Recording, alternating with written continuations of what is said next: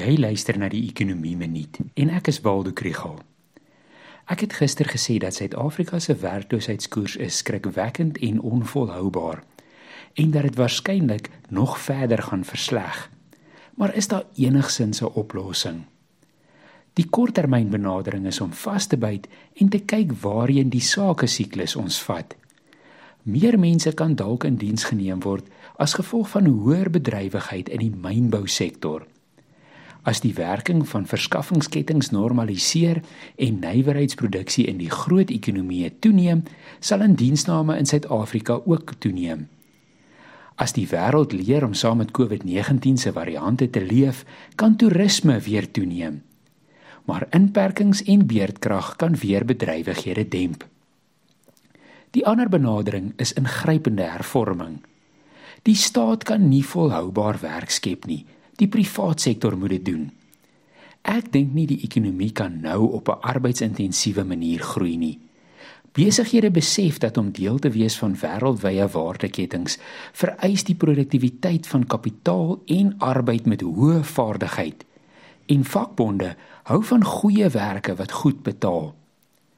Om met ons model aan te gaan beteken dat die ekonomie verlang baie vinnig sal moet groei om werkloosheid te verminder en ook dat ons deur onderwys en opleiding werkers sal moet toerus vir die werke wat so geskep word. Ons sal die armste mense moet bemagtig om daardie werke te soek en te kry. Dan word die vraag, wat sal die ekonomie so vinnig laat groei? Hoe moet onderwys en opleiding hervorm word? En wat maak ons met almal wat ons nie kan toerus vir hierdie wêreld nie? Die ekonomie kan net vir lank vinnig groei deur uit te voer. Om internasionaal mededingend te wees vereis daardie hervormings waarvan almal praat.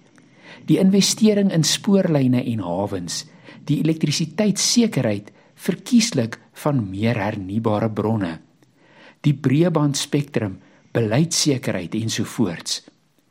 Maar die konsensusbou en stadige vordering van die laaste hoeveel jaar gaan nie goed genoeg wees nie. Ek wil radikale hervorming voorstel. Hervorming wat alles privatiseer en so min as moontlik reguleer. Vergeet die vennootskappe met die staat, die meesterplanne en die teikens vir plaaslike inhoud. Stel klein ondernemings vry van kollektiewe bedinging en hou op om te dink dat die informele sektor moet ingetrek word by die formele sektor. Laat die staat net probeer om eiendomsregte te verseker, wet en orde te handhaaf en sosiale toelate te betaal. amper alles anders moet oopgegooi word vir mededinging. As dit onmoontlik klink en ons hoop om dit wat ons nou doen net so bietjie beter en meer effektief te doen, is dit maklik om te raai wat volgende kwartaal en volgende jaar se werkloosheidskoers gaan wees.